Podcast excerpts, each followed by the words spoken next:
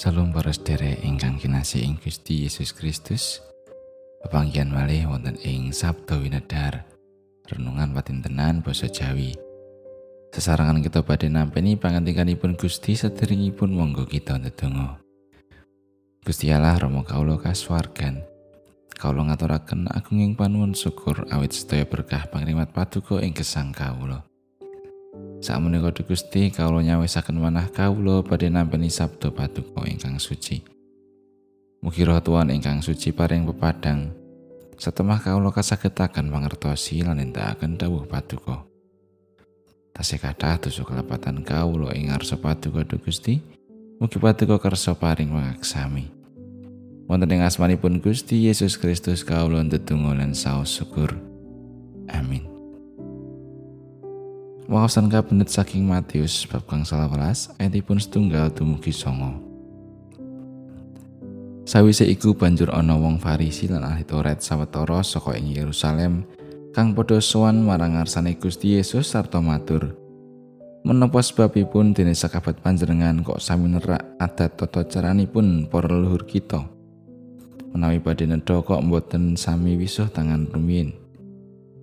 Nanging parimangsulane Gusti Yesus marang ngomong mau.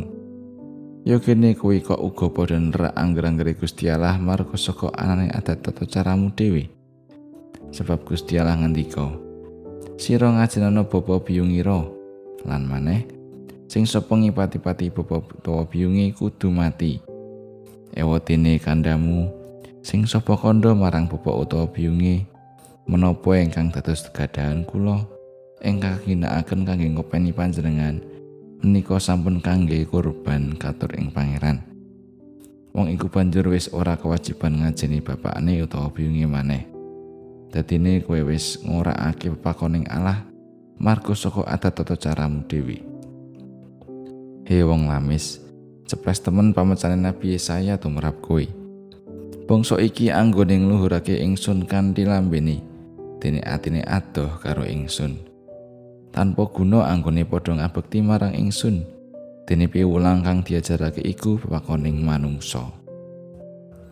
Makaten pangandikanipun Gusti ayat nas saking ayat 3 nanging paring mangsulane Gusti Yesus marang mompong mau. Yo kene kowe kok uga padha nerak angger-anggere Gusti Allah marga saka anane adat tata caramu dhewe? Le kowe kok bolos sekolah?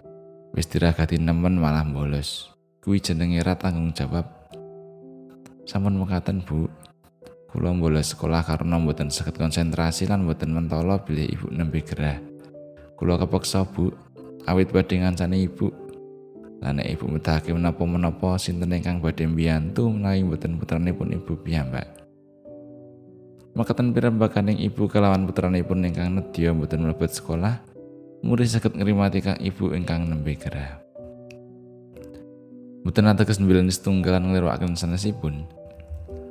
Pancen ing gesang menika kita asring ngadepi perkawis ingkang remit lan wonten resikonipun piyambak-piyambak. Tamtu kedah wonten panimbang ingkang wening. Pundi ingkang prioritas, pundi ingkang boten. Pundi ingkang kebetan, pundi ingkang kepinginan. Pundi ingkang akibatipun rekaos lan pundi ingkang enteng. Pundi ingkang dipun kersakaken Gusti Allah pundi ingkang namung gega pikajengipun piyambak. Panimbang menika wigatos. Sepatus kita mboten gelo ing tembe lan saged tanggal jawab dateng bab ingkang kapiji.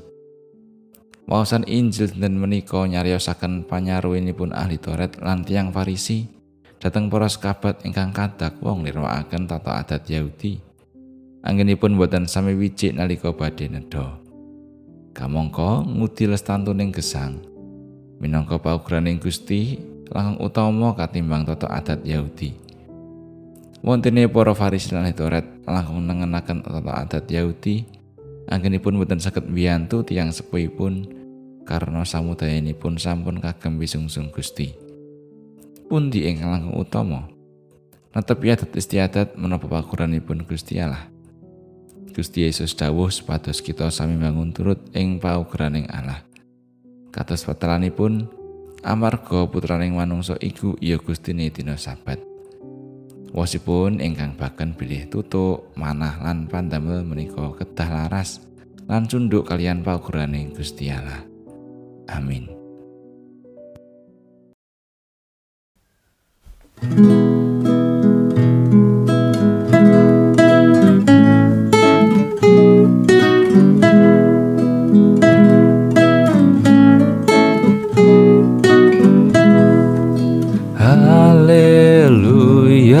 puji lan panuwun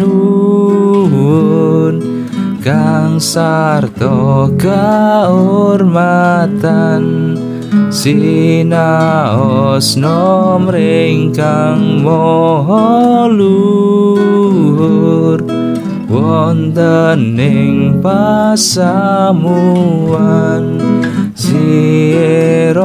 Mugi